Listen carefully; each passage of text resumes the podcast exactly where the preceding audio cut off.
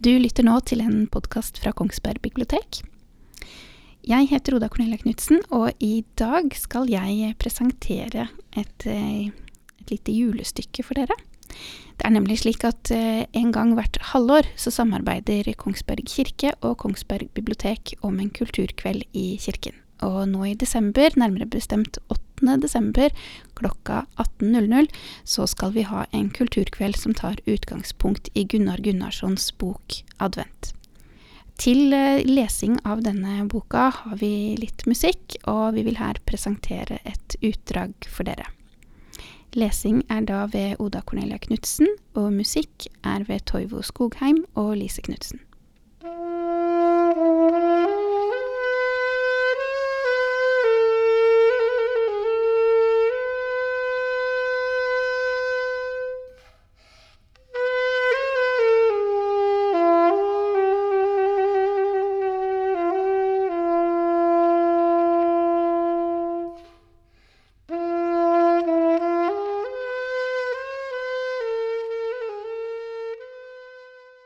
Når det lider mot jul, bur folk seg til høgtid hver på sitt vis. Og det på mange måter. Benedikt hadde sin. Først i advent, helst sjølve adventssøndagen om været var lagleg, tok han til fjells rikeleg rusta med niste, sokkeombyte, nygjorde sko, primus, ein dunk lampeolje og ei lita dramflaske i ryggsekken. På denne årstida fanst det ikke anna levende i fjellet enn hardfør rovfugl, rev og en og annen attgløymd sau.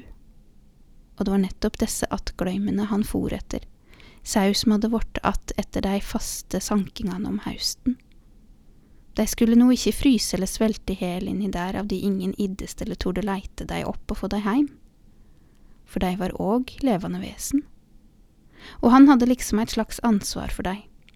Hans eneste mål var å finne dei og få det heile i hus før den store festen breide helg og høgtid over jorda og skipa fred og frygd i sinna til alle som hadde gjort sitt beste.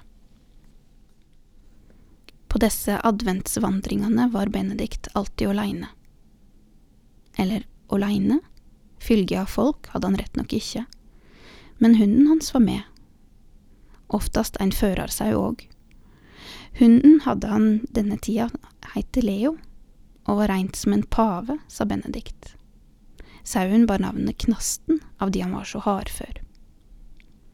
Nå hadde disse tre vært uskiljande i slike utferder flere år. Etter hvert kjente de hverandre ut og inn, med slik rotfest kjennskap som kanskje er mogleg einast mellom heilt ulike dyreslag, der ingen skugge av seg eige sjølv, eige blod, eigne ynske eller hækne forvillar eller formyrkjer.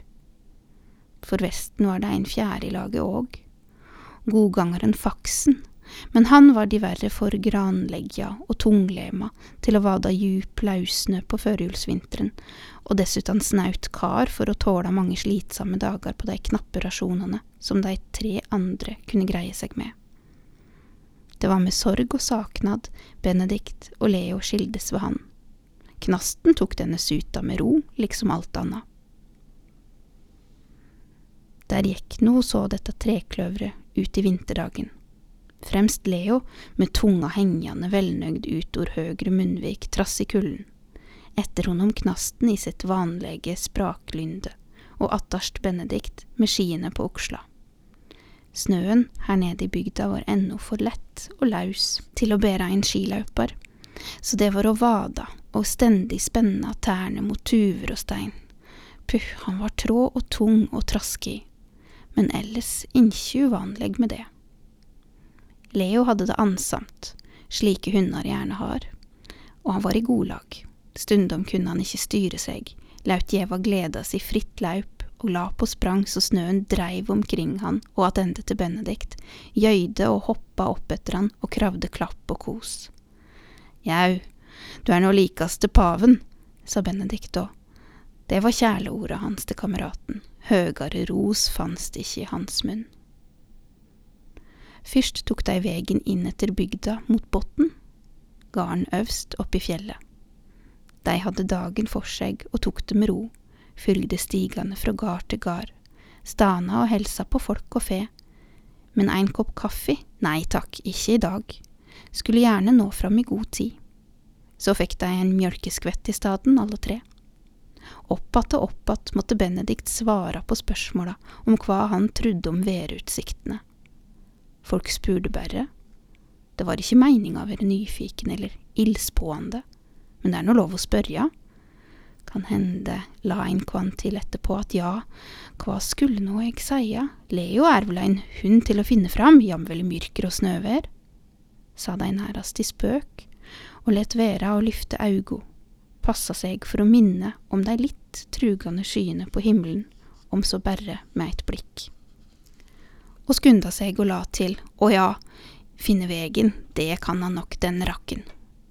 Det kan vi alle tre, sa Benedikt traust og tømte mjølkekummen sin. Takk for skjenken. Slik begynner altså den eh, lille boka Advent, som er eh, veldig mye større i innhold enn i antall sider. Og om du ønsker å høre mer fra denne boka, kan du komme på kulturkveld i kirken onsdag 8. desember fra klokka 18.00. Og du kan selvfølgelig også låne boka på Kongsberg bibliotek.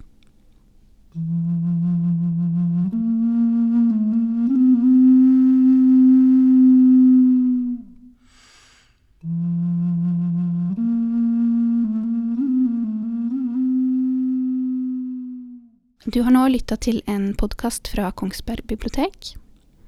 Klipping ved Gavin Baker. Lesing ved Oda Cornelia Knutsen. Og musikk ved Toivo Skogheim og Lise Knutsen.